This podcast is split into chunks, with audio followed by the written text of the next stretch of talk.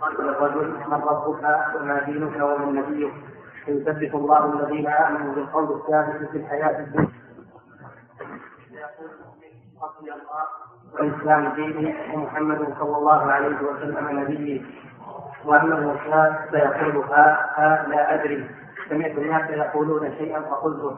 فيضرب بمرزقة من حديد فيصيح صيحة يسمعها كل شيء من الإنسان ولو سمعها الإنسان لصعق ثم بعد هذه الفتنة إما نعيم وإما عذاب إلى أن تقوم القيامة الكبرى وتعاد الأرواح إلى الأجساد وتعاد الأرواح إلى الأجساد وتقوم القيامة التي أخبر عنها الله في كتابه وعلى لسان رسوله وأجمع عليها المسلمون ويقوم الناس لرب العالمين. ويقوم الناس من قبورهم لرب العالمين خفاة عراة غرلا وتجنى منهم الشمس ويلزمهم العرش فتنصب الموازين وتوزن الأعمال. كما قال سبحانه وتعالى فمن ثقلت موازينه فأولئك هم المفلحون. ومن خفت موازينه فأولئك الذين خسروا أنفسهم في جهنم خالدون.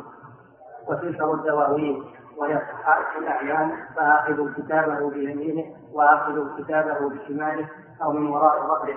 كما قال سبحانه وكل إنسان أنزلناه طائره في عنقه ونخرج له يوم القيامة كتابا يلقاه منشورا.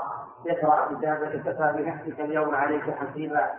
ويخلو الله ويخلو الله بعبده المؤمن فيقرره فيقرره بذنوبه. وأما الكافر فما ويخلو الله بعبده المؤمن فيقرره بذنوبه. كما وصف ذلك في الكتاب والسنة. وأما الكافر فانه وأما محاسبة الكافر فإنها محاسبة. وأما الكفار فان محاسبتهم ليست بمحاسبه من توزن حسناته وسيئاته فإنهم لا حسنات لهم ولكن تعد أعمالهم فتحصى فيوقفون عليها ويقررون بها. بسم الله الرحمن الرحيم. الحمد لله رب العالمين صلى الله وسلم على نبينا محمد وعلى آله وأصحابه أجمعين. وبعد. فالركن الخامس من أركان الإيمان الإيمان باليوم الآخر. الإيمان باليوم الآخر. التصديق.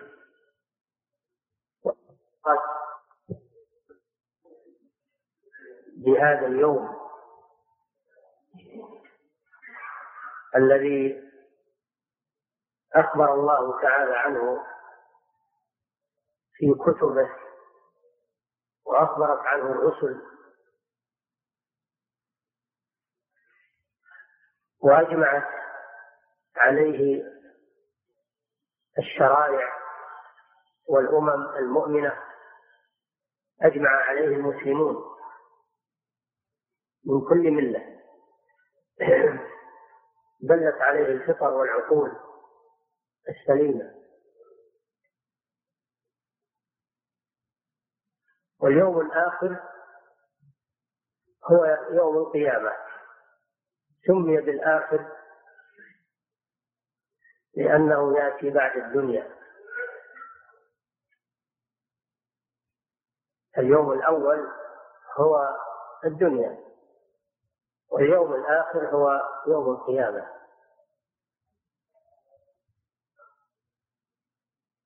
لأن الدور ثلاث كما تدل عليه الأدلة. الدار الأولى دار الدنيا.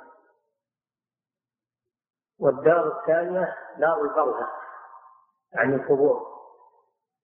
الدار الثالثة دار القرار وهي الدار الآخرة.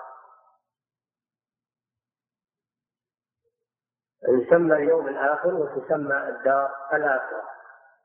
ولدار الآخرة خير للذين يتقون. دار القرار. فالإنسان منذ أن خلقه الله وهو في سفر.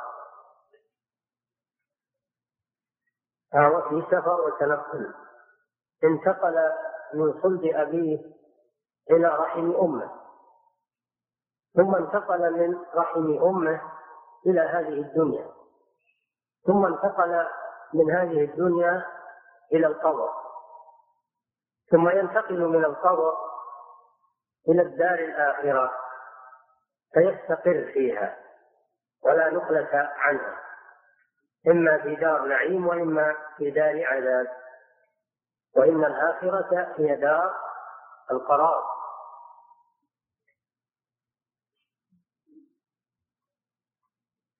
فالدار اليوم الآخر الإيمان به هو الركن الخامس من أركان الإيمان التي بينها رسول الله صلى الله عليه وسلم في حديث جبريل. لما سأله عن الإيمان قال الإيمان أن تؤمن بالله وملائكته وكتبه ورسله واليوم الآخر وتؤمن بالقدر خيره وشره.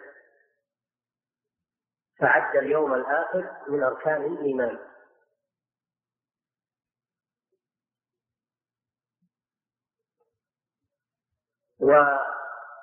والأدلة عليه أدلة كثيرة من الشرع ومن العقل ومن الفطرة والإجماع.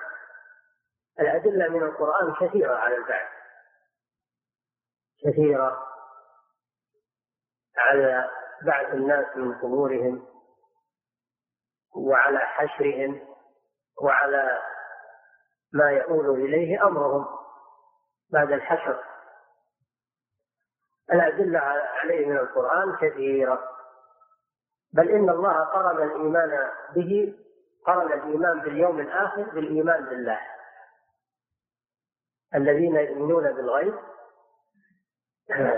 إذا قال تعالى هدى للمتقين الذين يؤمنون بالغيب ويقيمون الصلاة ومما رزقناهم ينفقون. إلى قوله وبالآخرة هم يوقنون.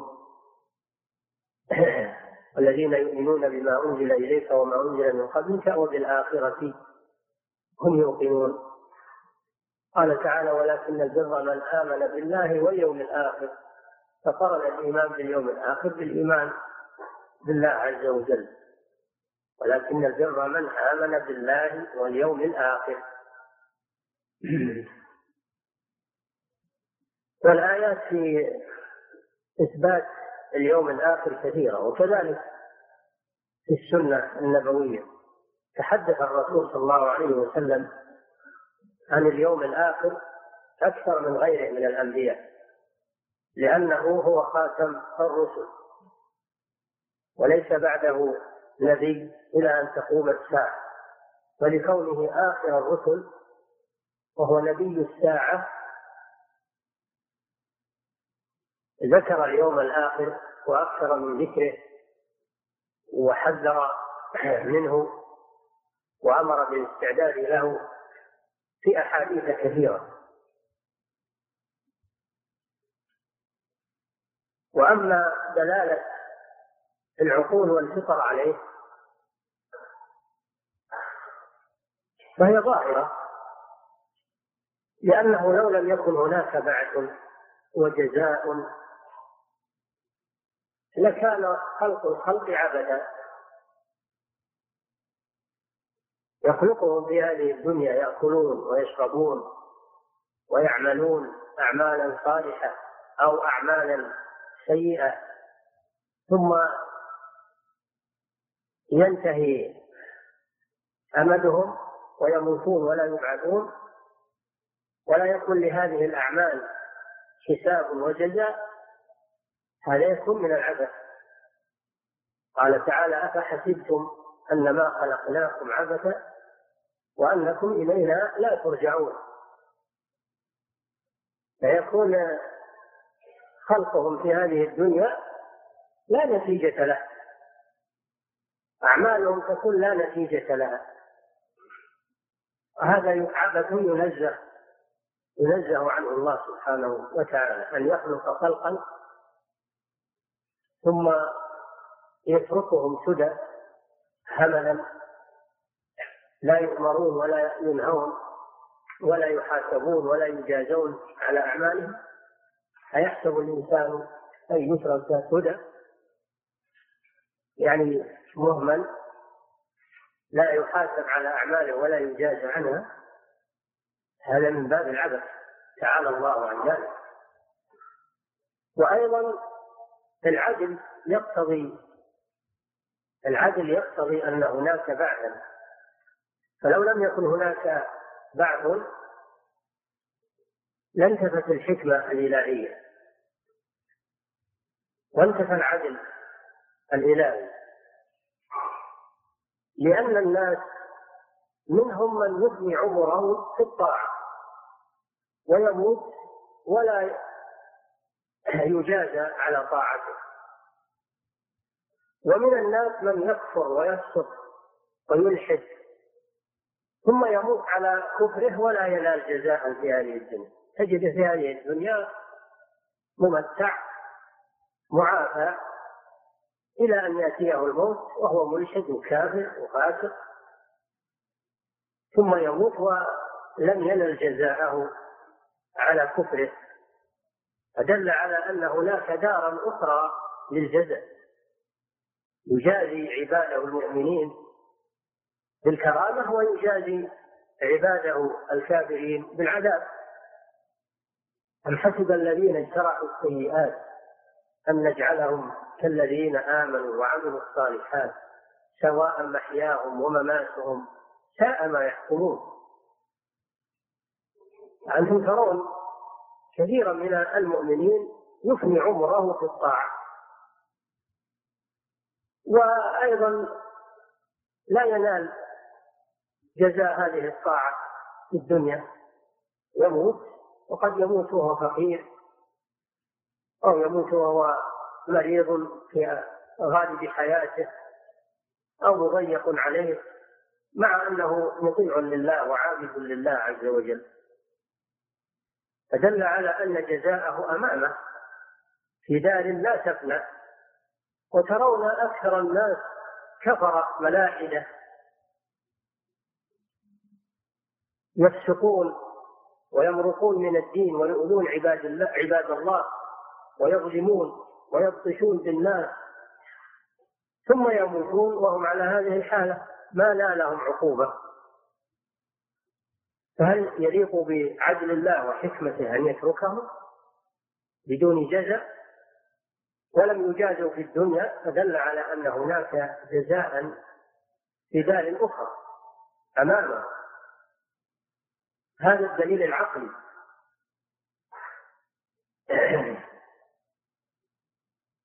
الرائع والرسل وكلهم أجمعوا على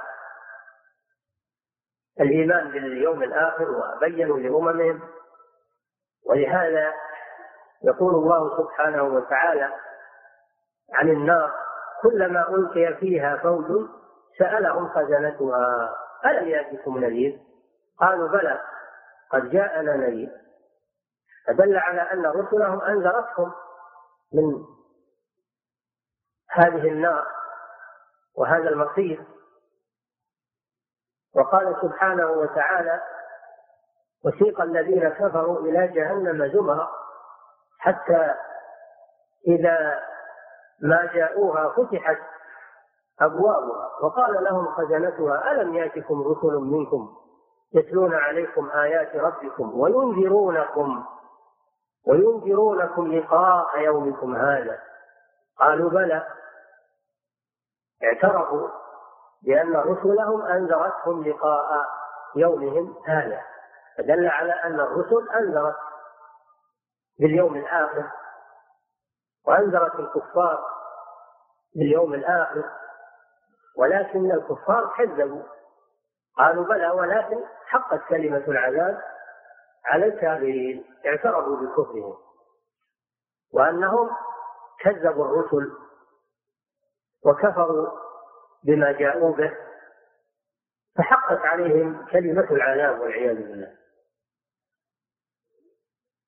فهذا دليل على أن الرسل أنذروا أممهم اليوم الآخر وبينوا لهم. إذا الشرائع أجمعت والرسل أجمعوا على على البعث. وإنما أنكر البعث الكفار والملاحدة الوثنيون المشركون الوثنيون أنكروا البعث. وليس لهم إلا شبهة استبعاد شبهة استبعاد إعادة الأجسام بعد فنائها. وقالوا أئذا كنا عظاما ورفاتا فإنا لمبعوثون خلقا جديدا. قال من يحيي العظام وهي رميم. ما عندهم شبهة إلا أنهم يعجزون الله عز وجل ويستبعدون أن أن تعاد هذه الأجسام بعد فنائها وتحللها إلى تراب. بل عجبوا أن جاءهم منذر منهم فقال الكافرون هذا شيء عجيب أإذا كنا ترابا؟ ذلك رجع بعيد. تراب يصيرون تراب فكيف التراب يعاد؟ هذه شبهة ما عندهم شبهة إلا استبعاد هذا الشيء واستحالته على قدرة الله سبحانه وتعالى لأنهم لم يقدروا الله حق قدره ولم يعرفوا قدرة الله التي لا يعجزها شيء فالله رد عليهم بأن الذي أوجدهم أول مرة من العدم قادر على أن يعيدهم. قادر على أن يعيدهم من باب أولى وهو الذي يبدأ الخلق ثم يعيده وهو أهون عليه وله المثل الأعلى. فالإعادة في نظر العقول أسهل على الله من البداءة. وإلا فالله جل وعلا كل شيء عليه سهل لكن هذا من حيث المجادلة. فالذي قدر على البداءة من عدم قادر على الإعادة. من باب أولى ما خلقكم ولا بعثكم إلا كنفس واحدة. إن الله سميع بصير. فما دمتم تعرفون وتوقنون أن الله هو الذي خلقكم وبدأكم فكيف تنكرون أن يعيدكم وهو قادر على ذلك. قال من يحيي العظام وهي رميم قل يحييها الذي أنشأها أول مرة. وهو بكل خلق عليم. وأيضا احتج الله عليهم بشيء يشاهدونه. شيء ميت. بالي. ثم يعيده الله وهم ينظرون إليه وهو الأرض. الأرض تكون ميتة لا نبات فيها.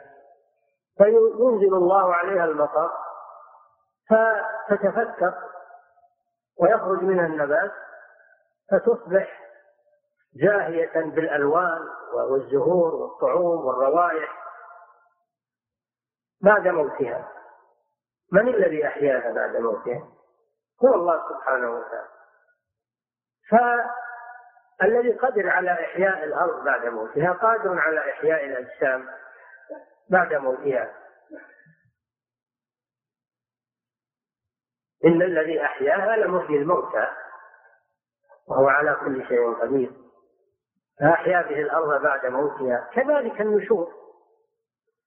فدائما يذكر الله جل وعلا إحياءه للأرض ثم يستدل بذلك على قدرته على إحياء الموتى. لأن هذا موت وهذا موت وهذا بعد وهذا بعد. طيب النائم النائم ينام ويموت. ما عنده إحساس ولا فكر ولا شيء. ثم يبعثه الله عز وجل وهو الذي يتوفاكم بالليل ويعلم ما جرحتم بالنهار ثم يبعثكم فيه. من الذي رد عليه روحه؟ وحركه بعد ان كان ميتا نائما لا لا احساس له ولا شعور. من الذي رد عليه روحه وبعثه؟ هذا دليل على قدرة الله سبحانه وتعالى. فالشواهد كثيرة وهي شواهد عقلية.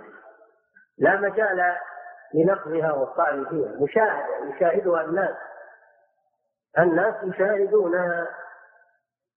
فهذا دليل على هذه أدلة على البعث. وإحياء الأموات. تشاهد.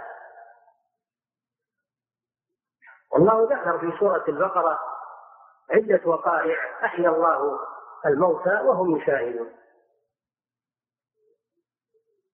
في قصة البقرة وقلنا اضربوه ببعضها. القتيل واحد مقتول. فأمر الله بذبح بقرة.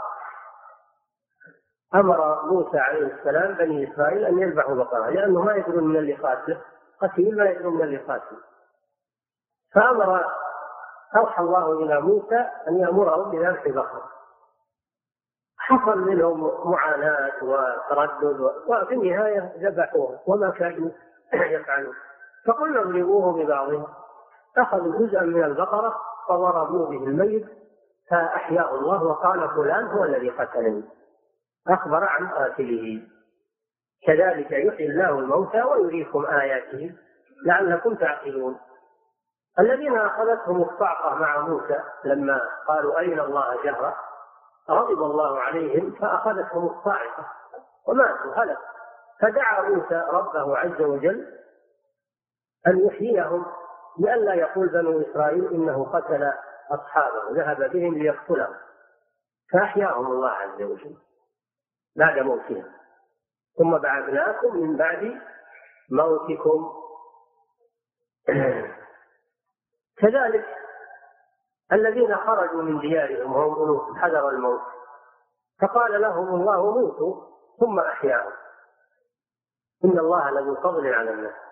هذا شيء شاهدوه وعرفوه كذلك الذي مر على القرية وهي خاوية على عروشها قال أن يحيي هذه الله بعد موتها فأماته الله مئة عام ثم بعثه. قال كم لبثت؟ قال لبثت يوما أو بعض يوم. قال بل لبثت مئة عام. هذا في القرآن الكريم. إبراهيم عليه الصلاة والسلام قال ربي أرني كيف تحيي الموتى. قال أولم تؤمن؟ قال بلى ولكن ليطمئن قلبي يعني يكون عن مشاهدة. يكون هذا عن مشاهدة. علم علم اليقين غير عين اليقين. عين اليقين أبلغ. وإلا فهو مؤمن بالبعث وعالم به علم اليقين لكنه يريد أن يترقى إلى عين اليقين. ولكن ليطمئن قلبه. قال فخذ أربعة من الطير فصرهن إليك ثم اجعل على كل جبل منهن جزءا ثم ادعوهن يأتينك سعيا شاف الطيور وقطعها ومزقها وفرقها ثم دعاها فجاءت إليه كما كانت حية.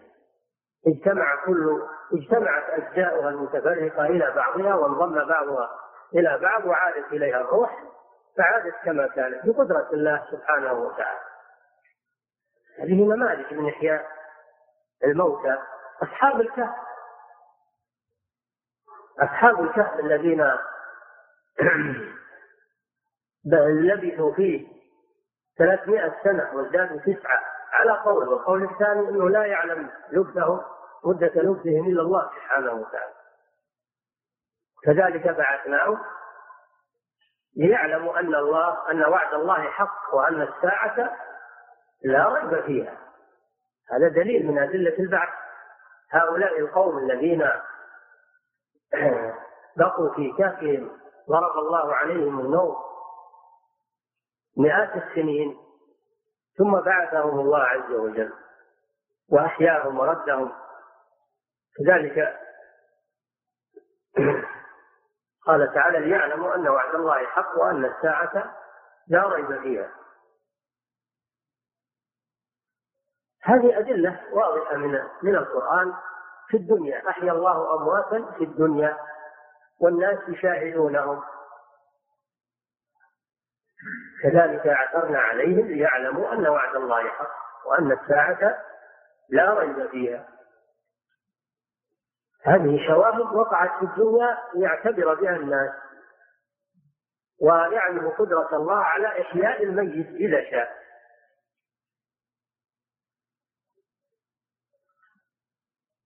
والإيمان باليوم الآخر كما يقول الشيخ رحمه الله يشمل كل ما بعد الموت. اليوم الآخر هو كل ما بعد الموت. فمن مات دخل في اليوم الآخر.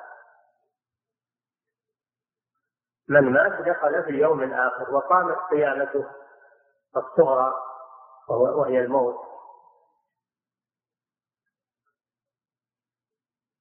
وإذا أراد الله بعد الناس جاءت القيامة الكبرى. فخلق الله الأجساد أعادها كما كانت ثم أمر إسرافيل فنفخ في الصور. ينفخ النفخة الأولى الصعق فيموت كل من على وجه الأرض إلا من استثناه الله. ونفخ في الصور فصعق من في السماوات ومن في الأرض إلا من شاء الله. صعق يعني ثم نفخ فيه أخرى. نفخ فيه إسرافيل مرة ثانية فطارت الأرواح إلى أجسادها. بعدما تكاملت الأجساد وانبنت وعادت كما كانت حتى لو مررت على أحدهم وأنت تعرفه في الدنيا لعرفت من هذا الآن يعود كما كان. فإذا تكاملت أجسامهم وانبنت أمر الله إسرافيل فنفخ النفخة الثانية فطارت الأرواح إلى أجسادها وساروا إلى المحشر يخرجون من الأجداث كأنهم جراد منتشر مهطعين إلى الداعي يقول الكافرون هذا يوم عسر. خش عن أبصارهم يخرجون من الأجداث من القبور كأنهم جراد منتشر. يوم يخرجون من الأجداث آه آه قال تعالى في سورة المعارف آه فذرهم حتى يلاقوا يومهم الذي يوعدون. يوم يخرجون من الأجداث سراعا كأنهم إلى نصب يوفضون خاشعة أبصارهم ترهقهم ذلة ذلك اليوم الذي كانوا يوعدون يوم الآخر. فإذا فإذا فإذا دخلت الأرواح إلى أجسادها تحركت ثم ساروا في اتجاه واحد. يسيرون في اتجاه واحد إلى المحشر لا يتخلف أحد منهم. ولا يجلس أحد أو يت... أو يروح واحد إلى طريق آخر. لا يروح باتجاه واحد بأمر الله عز وجل. كأنهم إلى نصب يوقظون. النصب هو العلم. العلم الذي يكون مع الجند يصير أمامهم وهم يمشون وراء. ما يتخلف عنه واحد. هذه القيامة الكبرى. أما القيامة الصغرى فكل من يموت قامت قيامته. قامت قيامته.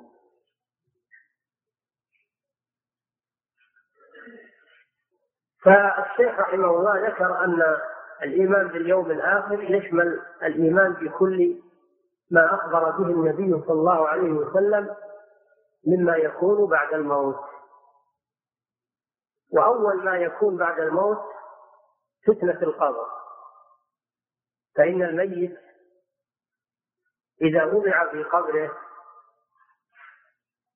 ودفن وانتهي من دفنه وانصرف المشيعون وهو يسمع قرع نعاله. يعطيه الله السمع فيسمع قرع نعاله. لكن السمع ليس كالسمع الذي في الدنيا. سماع برده وإنه لا يسمع قرع نعاله. فيأتيه ملكان. تعاد روحه في جسمه. وهذه الإعادة ليست كالروح إعادة الروح في الدنيا. حياة برزخية ليست مثل الحياة في الدنيا. تعاد روحه في جسمه فيحيا حياة برزخية لا يعلمها إلا الله سبحانه وتعالى. ليست مثل حياته على وجه الأرض. فيجلسانه يجلسانه في القبر فيقولان له من ربك؟ وما دينك؟ ومن نبيك؟ ثلاثة أسئلة فالمؤمن يقول ربي الله ونبي محمد صلى الله عليه وسلم وديني الإسلام. فيقولان له وما علمك بذلك؟ فيقول قرأت كتاب الله.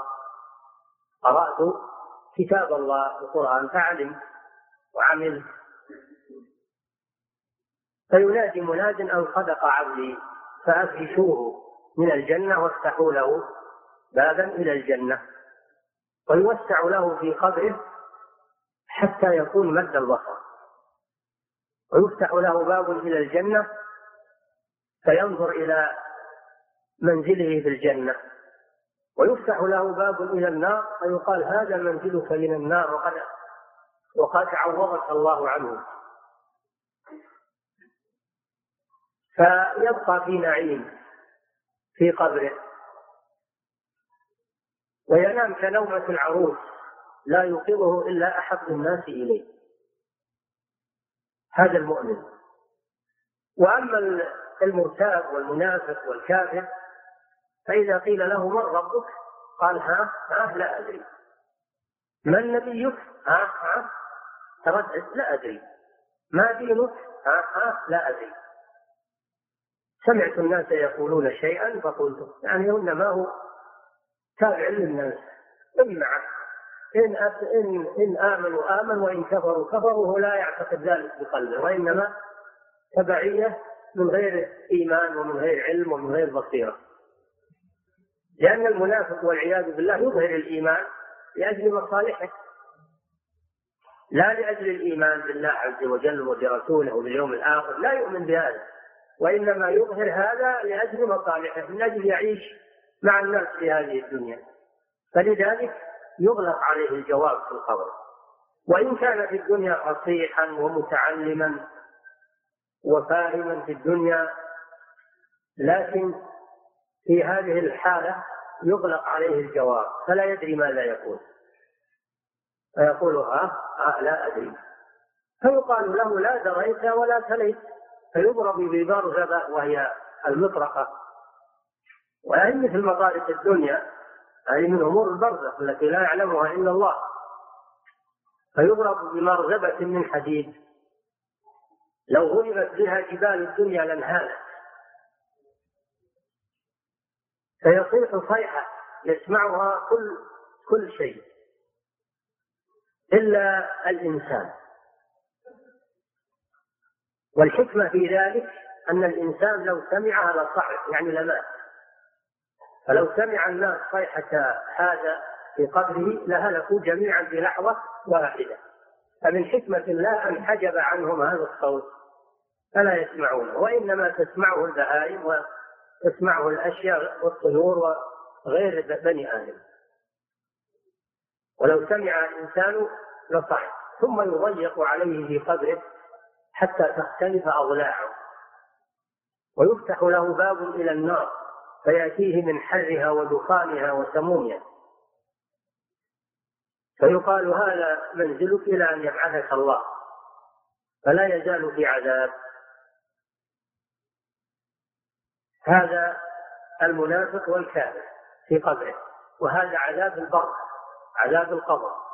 وعذاب القبر ثابت بالكتاب والسنة والإجماع السنة المتواترة كما سبق. ثابت. لا ينكره إلا المعتزلة الذين يعتمدون على أفكارهم وعقولهم ولا ولا يستدلون بالنصوص. يقولون ما خالف العقل فنحن لا نستدل به. وعقولهم يقولون لو لو فتحنا القبر على الميت ما وجدنا عنده عذاب ولا وجدنا ولا وجدنا ملائكة ولا وجدنا شيء. نقول لهم يا مساكين هذا هذا أحوال الآخرة ما هي أحوال الدنيا؟ هذه محجوبة عنكم.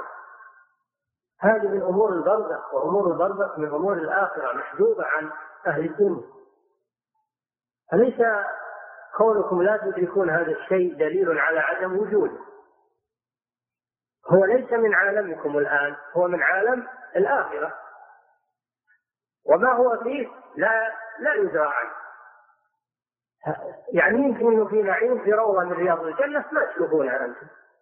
أو في حفرة من حفر النار ولا تشوفونها أنتم. لأنكم من أهل الدنيا وهو من أهل الآخرة. وأمور الآخرة محجوبة عن أهل الدنيا. والاعتماد فيها على النصوص فقط.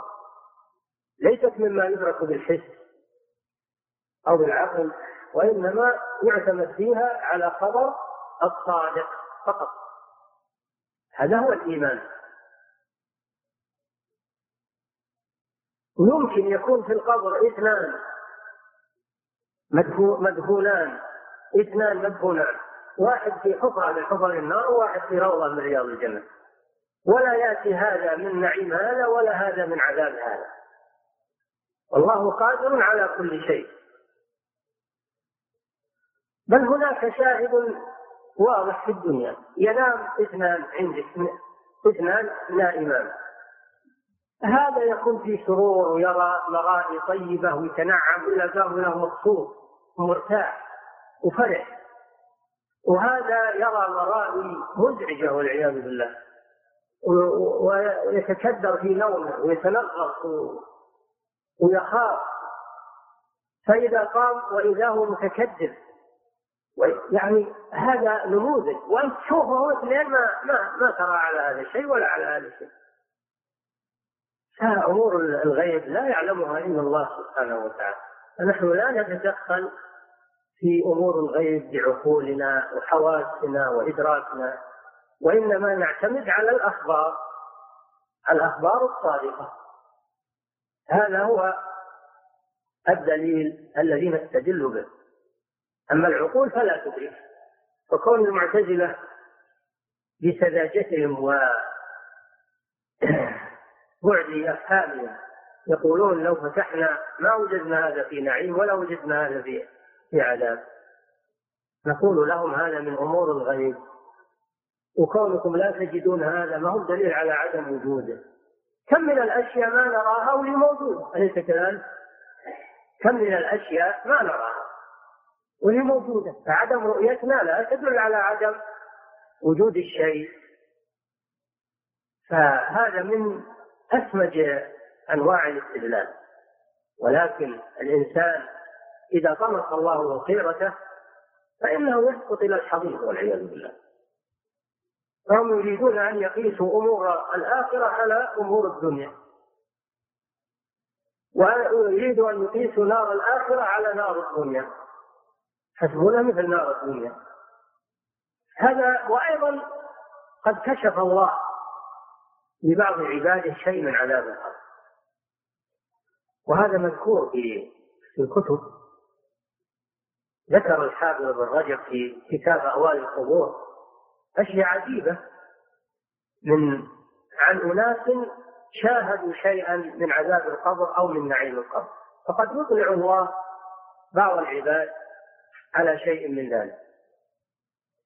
كما أطلع رسوله صلى الله عليه وسلم على القبرين. لما مر بقبرين قال إنهما لا يعذبان وما يعذبان في كبير. أما أحدهما فكان يمشي بالنميمة وأما الآخر فكان لا يستبرئ من البول.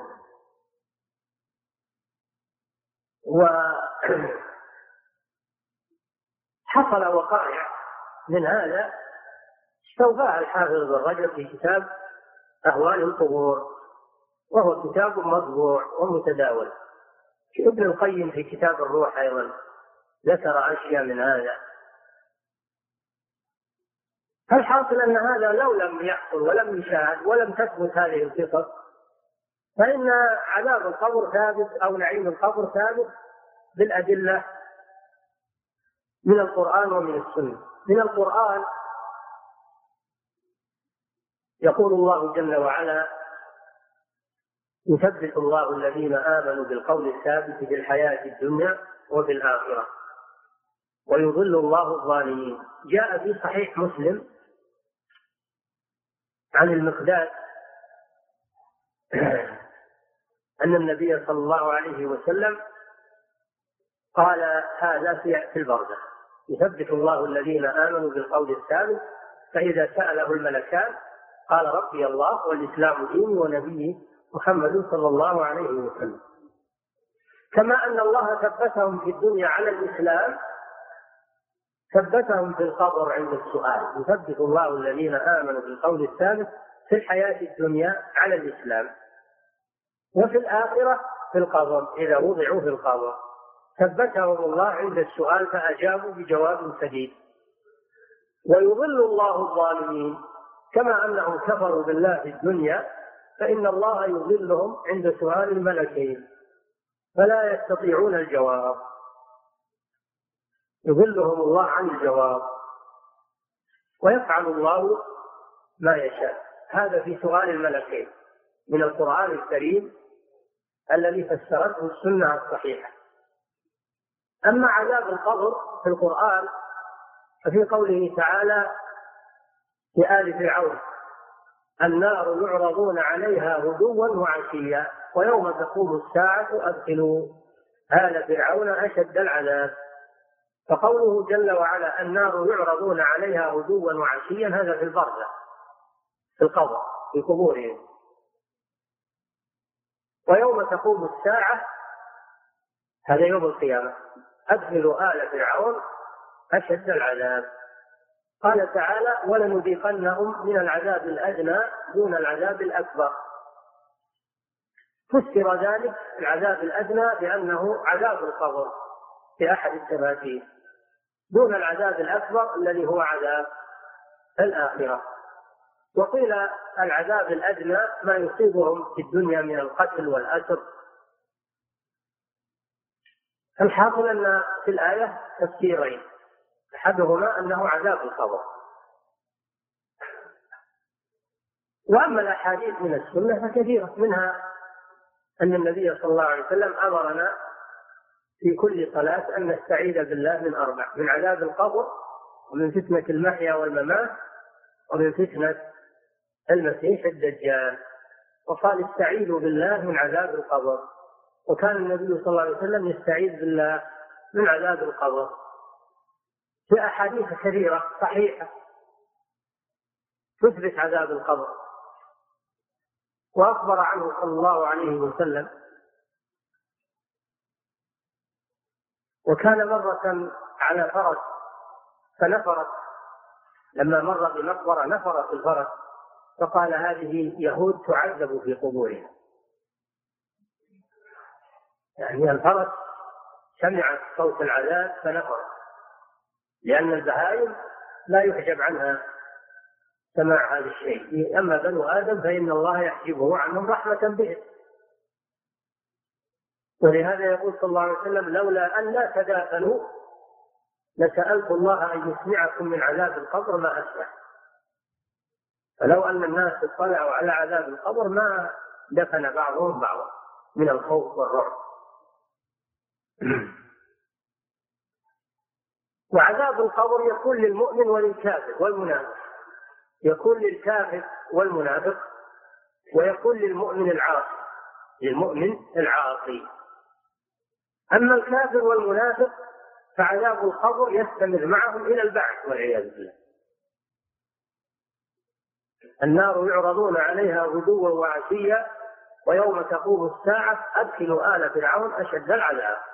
يستمر عذاب القبر مع الكافر والمنافق إلى أن تقوم الساعة ثم يؤول إلى عذاب أشد وأكبر. أما المؤمن صاحب الكبيرة من كبائر الذنوب أو المعصية فإنه يعذب وقد يرفع الله عنه العذاب. يرفع الله عنه عذاب القبر إما بعفوه عنه سبحانه وتعالى وإما بدعاء يلحقه من الصالحين أو صدقة أو إحسان يفعله الحي ويهدي ويوم تقوم الساعة أدخلوا آل فرعون أشد العذاب. يستمر عذاب القبر مع الكافر والمنافق إلى أن تقوم الساعة ثم يؤول إلى عذاب أشد وأكبر. أما المؤمن صاحب الكبيرة من كبائر الذنوب أو المعصية فإنه يعذب وقد يرفع الله عنه العذاب. يرفع الله عنه عذاب القضاء إما بعفوه عنه سبحانه وتعالى وإما بدعاء يلحقه من الصالحين أو صدقة أو إحسان الحي ويهدي ثوابه للميت فيخفف الله عنه عذاب القبر. فالحاصل أن عذاب الكافر والمنافق في القبر دائم إلى يوم القيامة.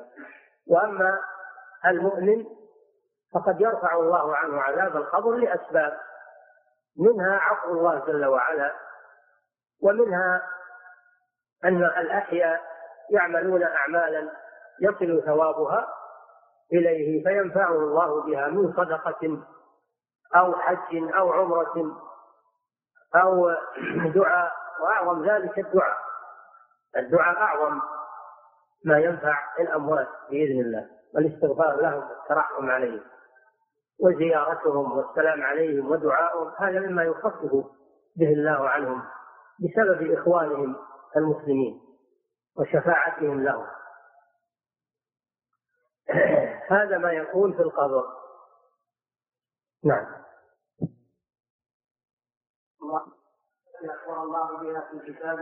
من الإيمان باليوم الآخر الإيمان بالقيامة الكبرى. القيامة الصغرى ما هي؟ الموت. القيامة الصغرى الموت.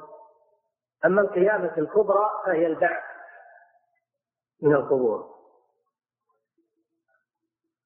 فإذا أراد الله سبحانه وتعالى نهاية هذا العالم الدنيوي فإن الله سبحانه وتعالى يأمر بما أخبر سبحانه وتعالى من تغير هذه الأرض وهذه السماء ودك الجبال وأن تكون هباء منبثا ويحصل الصعق يحصل الصعق حينما يأمر الله إسرائيل فينفخ في الصور النفخة الأولى فيصعق كل حي إلا من استثنى الله عز وجل إلا من شاء الله. فيموت من بقي من الناس ويتساوون في الموت يتساوون في الموت السابق واللاحق. ثم يأمر الله ثم يأمر الله جل وعلا السماء فتمطر أربعين يوما مطرا غليظا لا يمنع منه سقف يصل إلى الأرض فتنبت الأجسام تنبت به الأجسام من القبور وتتكامل خلقتها تتكامل خلقتها كما كانت. ثم يأمر الله إسرافيل عليه السلام فينفخ في الصور مرة ثانية. فتطير الأرواح من القرن من الصور إلى أجسادها فتحيا بإذن الله ثم نفخ فيه أخرى فإذا هم قيام ينظرون. فإذا هم قيام ينظرون. ثم يأمرهم الله بالمسير إلى المحشر فيسيرون لا يتخلف منهم أحد. والمحشر مكان واسع لا ليس فيه جبال وليس فيه أودية ولا أشجار ولا شيء مكان مستوي. ينفذهم البصر ويسمعهم الداعي. ويسألونك عن الجبال فقل ينسفها ربي نسفا فيذرها قاعا خصفا لا ترى فيها عوجا ولا أمتا. هذه أرض المحشر. فيجتمعون في هذا المحشر. يجتمعون الأولون والآخرون. جميع بني آدم الأولون والآخرون. ثم تنزل الشياطين. فتكون من من ورائهم. ثم تنزل الملائكة صفوفا محيطة بهم. محيطة بالناس. من كل الجوانب ملائكة. ملائكة السماوات كلها تنزل في الصفوف. وجاء ربك والملك صفا صفا ثم يؤتى بجهنم وتحيط أيضا للناس وجيء يومئذ بجهنم. ولهذا يقول تعالى يا معشر الجن والإنس إن استطعتم أن تنفذوا من أقطار السماوات والأرض فانفذوا لا تنفذون إلا بسلطان. فلا أحد يستطيع يخترق هذه الحواجز وهذه الصفوف. فيحشر الخلائق في مكان واحد. في مكان واحد يزدحمون خفاة ليس عليهم نعال. غرلا فيهم آه، غير مفتونين الجلدة التي قطعت في الدنيا تعود في مكانها. غير مفتونين حفاة عراة ليس عليهم ثياب كما خلقهم الله أول مرة. ليس عليهم ثياب حفاة عراة غر تدنو منهم الشمس قدر ميل أو ميلين على رؤوسهم والنار محيطة بهم فيصيبهم من الحر والعرق. ويبلغ العرق من كل منهم بقدر أعماله. فمنهم من العرق إلى قدميه ومنهم من يصل إلى يلجمه العرق إلجاما يصل إلى فمه. العرق عرقه من شدة الحر شدة الشمس شدة ال... والموقف ليس زمنا يسيرا. خمسين ألف سنة. خمسين ألف سنة هذا الموقف. وهم واقفون على أقدامهم في هذا الحر الشديد وهذا العرق الشديد بقدر أعمالهم. يعرقون بقدر أعمالهم. فالأمر عظيم ولا تدركه العقول. هذا الحشر. ثم بعد ذلك يتقدمون إلى الأنبياء عليهم الصلاة والسلام. يطلبون منهم الشفاعة في أن يفصل الله بينهم ويريحهم من هذا المحشر. فيأتون إلى آدم عليه السلام فيطلبون منه فيتعذر يأتون إلى نوح يطلبون منه فيتعذر يأتون إلى موسى يطلبون منه فيتعذر يأتون إلى عيسى. يأتون إلى إبراهيم عليه الصلاة والسلام. يطلبون منه فيتعذر يأتون إلى موسى. يأتون إلى عيسى. كلهم يعتذرون. يأتون إلى محمد صلى الله عليه وسلم. فيقول أنا لها؟ أنا لها. فيخر ساجدا بين يدي ربه. ويدعو ربه. ويتضرع إليه فلا يزال ساجدا حتى يقال له يا محمد ارفع رأسك واسأل تعطى واشفع. تشفع فيرفع رأسه عليه الصلاة والسلام ويدعو الله بفصل القضاء بين عباده. فيعطيه الله ما سأل. فذلكم المقام المحمود الذي قال الله تعالى فيه ومن الليل فتهجد به نافلة لك عسى أن يبعثك ربك مقاما محمودا يحمده الأولون والآخرون. وهذه هي الشفاعة العظمى التي يعطيها نبينا صلى الله عليه وسلم حين تأخر عنها أولو العزم من الرسل عليهم الصلاة والسلام. فيفصل الله يأتي يأتي الله جل وعلا لفصل القضاء. يأتي الله جل وعلا لفصل القضاء بين عباده. فيحصل الحساب والميزان وتطاير الصحف إلى آخر ما سيأتي إن شاء الله. نعم. وتكون القيامة التي أخبر الله بها في كتابه وعلى لسان رسوله وأجمع عليها المسلمون. فيقوم الناس من قبورهم لرب العالمين. يقوم الناس من قبورهم لرب العالمين. فالأجسام وإن تحللت وصارت ترابا فإن الله يعيدها من هذا التراب الذي تحللت إليه. ومن عجل الذنب وهو حبة صغيرة عند العفعف لا تفنى. هذه لا تفنى ولا تصير ترابا. هذه تبقى منها يركب خلق الإنسان. فالإنسان وإن تحلل وصار ترابا فإن الله يعيده من المادة التي تحلل إليها. وهو أعلم.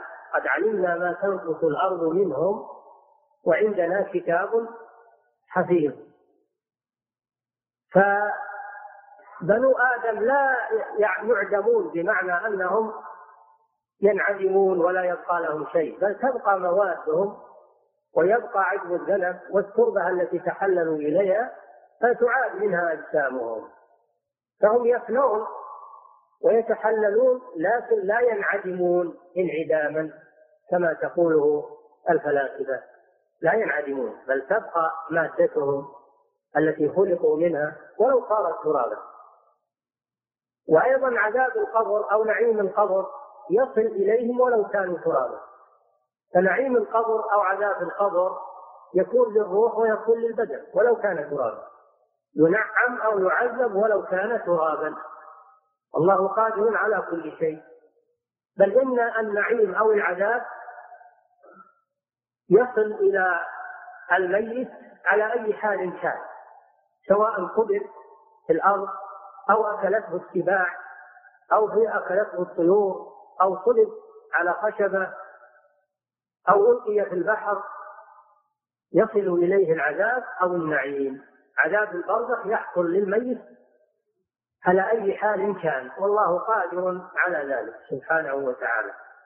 فلا يقال إن الميت إذا ما قبر ما يجيه نعيم ولا عذاب بل المراد بالبرزخ ما بعد الموت سواء في القبر أو في جوف سبع أو في جوف طير أو في قعر بحر أو في جو أو على خشبة أو في أي مكان. فالعذاب يأتيه لروحه ولبدنه. والعلماء يقولون الأحكام في الدنيا تتعلق بالأبدان والأرواح تبع لها. وأما في القبر فإن العذاب أو النعيم يكون على الأرواح والأبدان تبع لها. عكس ما في الدنيا. الدنيا على الأبدان والأرواح تبع. في القبر على الأرواح والأبدان تبع. أما في الجنة أو النار يوم القيامة فإن ذلك يتعلق بالأرواح والأبدان معا. النعيم أو العذاب في الجنة أو في النار يتعلق بالأرواح وبالأبدان جميعا. نعم. وأرواح العباد بعد الموت أرواح العباد بعد الموت لا تفنى. وإن كانت الأجسام تفنى وتتحلل لكن الأرواح لا تفنى. لكن أرواح المؤمنين تختلف منها ما يكون في أعلى عليين وهي أرواح الأنبياء عليهم الصلاة والسلام. ومنها ما يكون في أجواف طير تطير في الجنة تأكل من أشجارها وتأوي إلى قناديل تحت العرش وهي أرواح الشهداء. أرواح الشهداء في سبيل الله عز وجل. ومنها ما يكون على باب الجنة وهي أرواح المؤمنين. أما أرواح الكفار فإنها تكون في سجين في أسفل سافلين تحت الأرض السابعة والعياذ بالله. في سجين في أسفل سافلين. كلا إن كتاب الفجار لفي سجين والعياذ بالله. نعم. ويقوم الناس من قبورهم لرب العالمين وفاة عراة غرلا وتدنو منهم الشمس ويلزمهم العرق وتنصب الموازين. تدنو منهم الشمس يعني تكون على رؤوسهم على قدر ميل أو ميلين فقط. إن الشمس نحن ما نستطيعها وهي السماء الرابعة بعيدة بآلاف السنين عنا. فكيف إذا كانت ميل أو ميلين؟ نعم. ويلزمهم العرق يعني يلزم بعضهم وبعضهم يختلف مبلغ العرق منه بحسب ذنوبه. نعم. لكن أشدهم من يلزمه العرق يعني يصل إلى فمه فلا يستطيع يتكلم. مثل الفرس الملجم. نعم باللجام. نعم. فتنصب الموازين فتوزن بها أعمال العباد. فمن آه يكون في في, في, في الآخرة أولا الحشر كما عرفتم هذا ألو... هذا الموقف الطويل المتعب إلا أنه على المؤمنين يكون يسيرا وسهلا وإنما يكون عسره على الكافرين وكان يوما على الكافرين عسيرا ويوم تشقق السماء بالغمام ونزل الملائكة تنزيلا. الملك يومئذ الحق للرحمن وكان يوما على الكافرين عسيرا. أما على المؤمنين فإنه سهل ولا يجدون فيه هذا التعب وقال تعالى فإذا نقر في الناقور الذي هو النفس الصور فذلك يومئذ يوم عسير على الكافرين غير يسير فعسره ومشقته إنما تكون على الكفار. نعم. وقد يكون على عصاة المؤمنين شيء من ذلك فإنهم قد ينالهم شيء من مشقة هذا اليوم بحسب ذنوبهم. نعم. تنصب الموازين فتوزن بها أعمال العباد. فمن ثقلت موازينه فأولئك هم المفلحون. هذا الحشر وبعده الموازين. الموازين جمع ميزان وهو ما توزن به أعمال بني آدم. تنصب الموازين. قال تعالى ونضع الموازين القسط ليوم القيامة فلا تظلم نفس شيئا وإن كان مثقال حبة من خردل أتينا بها وكفى بنا حاسبين. وقال تعالى والوزن يومئذ الحق فمن ثقلت موازينه فأولئك هم المفلحون. ومن خفت موازينه فأولئك الذين خسروا أنفسهم بما كانوا بآياتنا يظلمون.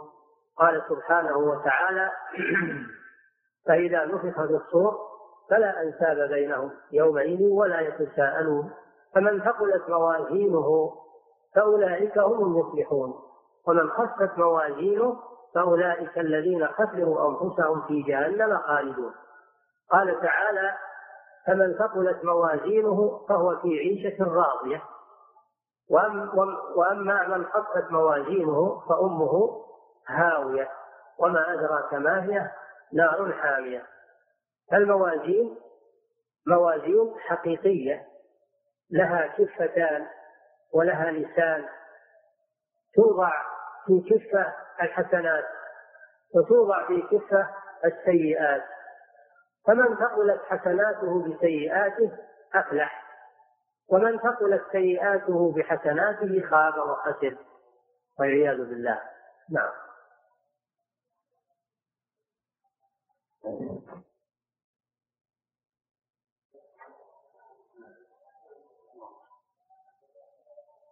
هذا الأخ يقول متى يتوقف الدرس بمناسبة الامتحانات؟ نكمل هذا الأسبوع إن شاء الله. ونوقف الدرس.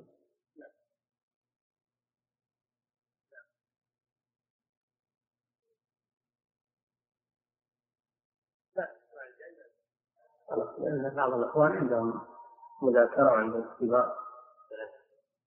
نعم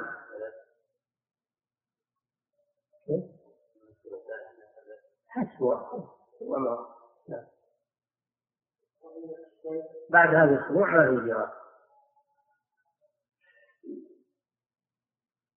إلى ما بعد رمضان. نعم.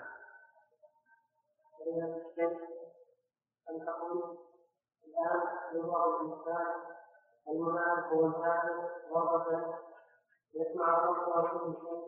أنا اللي قلت هذا ولا الرسول؟ سبحان الله. نعم.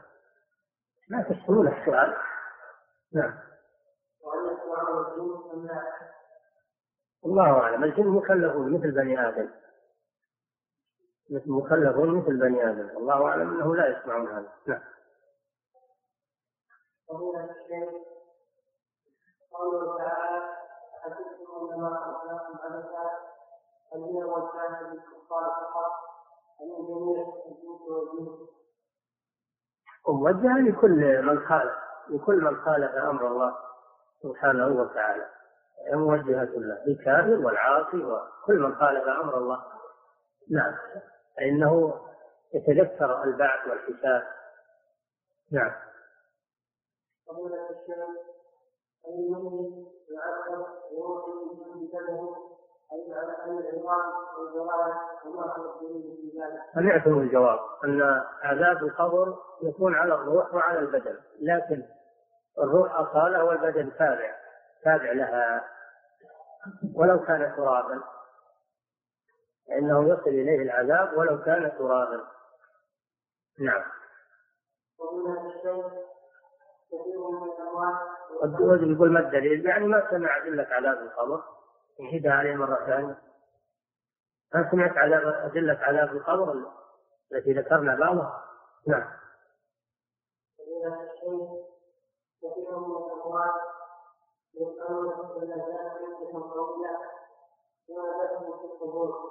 لأن الله سبحانه وتعالى يؤخر عذاب الميت حتى يوضع في قبره عند موته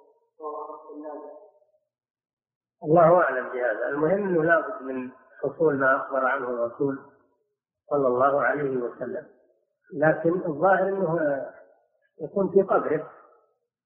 يكون في قبره. ومن لم يقبر وخلته السباع أو ألقي في البحر فإن قبره ما استقر فيه. قبره ما استقر فيه. القبر معناه ما استقر فيه الميت. أما ما دام أنه بينقل وما بعد استقر إلى الآن. نعم. ولذلك ولذلك يستحب أو يجب تعجيل بتجهيز الميت ووضعه في قبره. إن كان صالحا فخيرا يقدم إليه. وكان والعياذ بالله سيئا فيستريح منه الناس. شر تضعونه عن رقابكم نعم.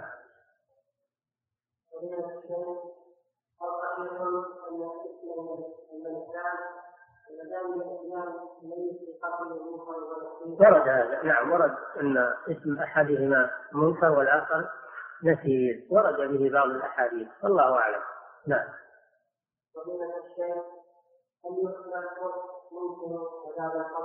نعم.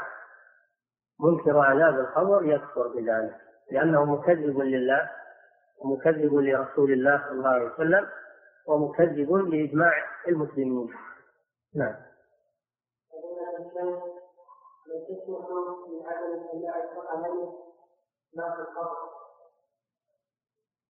إذا سمعتم الحكمة بينها الرسول يقول لو سمع الإنسان رحمة به لم يسمع الله ذلك لأنه لا يطيق هذا الشيء.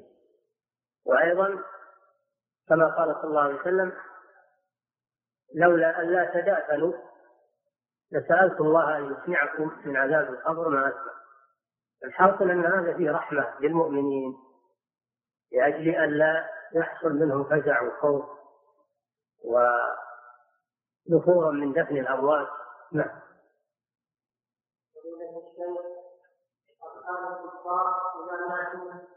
هل يذهبون إلى النار أو يذهبون الجنة ويكونون من في الدنيا حكمهم حكم آبائهم يعاملون معاملة آبائهم. أما في الآخرة فأمرهم إلى الله سبحانه وتعالى. اختلف العلماء فيهم لكن أمرهم إلى الله. صحيح التوقف في شأنهم وأن يوكل أمرهم إلى الله. نعم. قول شيخ الإسلام رحمه الله القيامة الكبرى من فيه أن الأرواح الخمسه من فتره العلم الحاد وان ما وقع العذاب لا. المصنف رحمه الله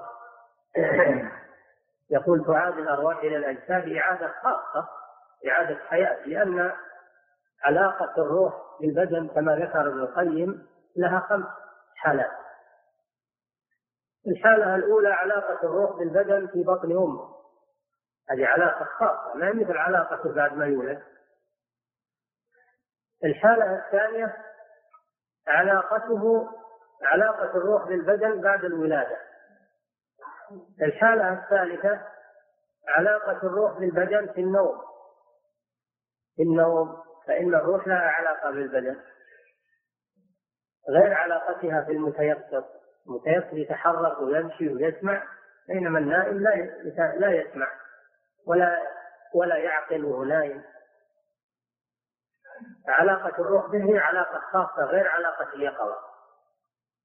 النوع الرابع علاقة الروح بالبدن في البرزخ في القبر. لها علاقة به خاصة ليست كعلاقتها به في الدنيا. وإنما هي علاقة لا يعلمها إلا الله سبحانه وتعالى. والعذاب يقع على الروح والبدن في القبر. النوع الخامس علاقة الروح في البدن في الآخرة في الجنة أو في النار. وهذا أكمل أنواع العلاقات. علاقة لا انفراد بعدها أبدا لا تفارق روحه بدنه أبدا إما في نعيم وإما في عذاب. هذه أنواع تعلقات الروح بالبدن كما ذكر ابن القيم في كتاب الروح. وهذه الأمور يعني كيف تتعلق؟ هذا من علم الغيب الذي لا يعلمه إلا الله وأمر الروح أمر عجيب.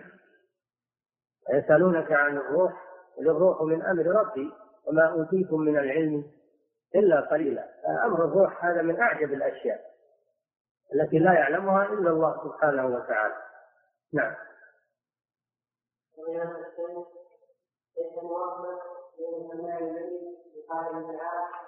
وقد قال الله تعالى إنك لا تكون الموتى قال سنة الدعاء اذا وهم لا تعارض بين الآية والحديث والحمد لله. لأن المراد إسماع الموتى الدعوة إلى الإسلام. الميت لا ينفعه الدعوة إلى الإسلام وهذا من باب ضرب المثل. فالكافر الذي عاند هذا ميت أو من كان ميتا فأحييناه الميت هو الكافر والذي أحياه الله هو الذي أسلم. الله جل وعلا يقول إنك لا تسمع هؤلاء المتعنتين. دعوتك إلى الإسلام ولا يقبلون ولا ينتفعون كما أن الميت في قبره لا ينتفع بالدعوة إلى الإسلام. فهذا من باب ضرب المثل. من باب ضرب المثل. وليس هو من باب نفي أن الميت يسمع. الميت يسمع لكن سماع خاص من أمور البرزخ. هو مثل سماع في الدنيا. نعم. أنتم لا تقيسون أمور البرزخ. وأمور الآخرة بأمور الدنيا. أبعدوا هذا عن أذهانكم أمور الآخرة وأمور البرزخ من علم الغيب الذي لا يعلمه إلا الله سبحانه وتعالى وإنما نؤمن بالنصوص الواردة كما جاءت نعم. وإن الشيء بعض المسلمين في بلادنا يذكرون عذاب القبر ويستدلون بهذه الآية قوله تعالى من بعدنا فكيف رد عليهم؟ اصبر عليهم شوي ويشوفون عذاب القبر. اللي ينشرونه اصبر عليهم شوي ويشوفون ما انكروه هذا ضلال والعياذ بالله. الإنسان مسلم مؤمن يصدق الرسول صلى الله عليه وسلم فيما أخبر به. هذا من من معنى شهادة أن لا إله إلا الله. طاعته فيما أمر وتصديقه فيما أخبر. وامتثال ما والانتهاء عما عنه نهى والزجر وأن لا يعبد الله إلا بما شرع. ولا وش معنى شهادة أنه رسول الله يخبرك وتكذبه يقول لك هناك عذاب في القبر تقول لا ما في عذاب في القبر. الله العافية والسلامة نعم.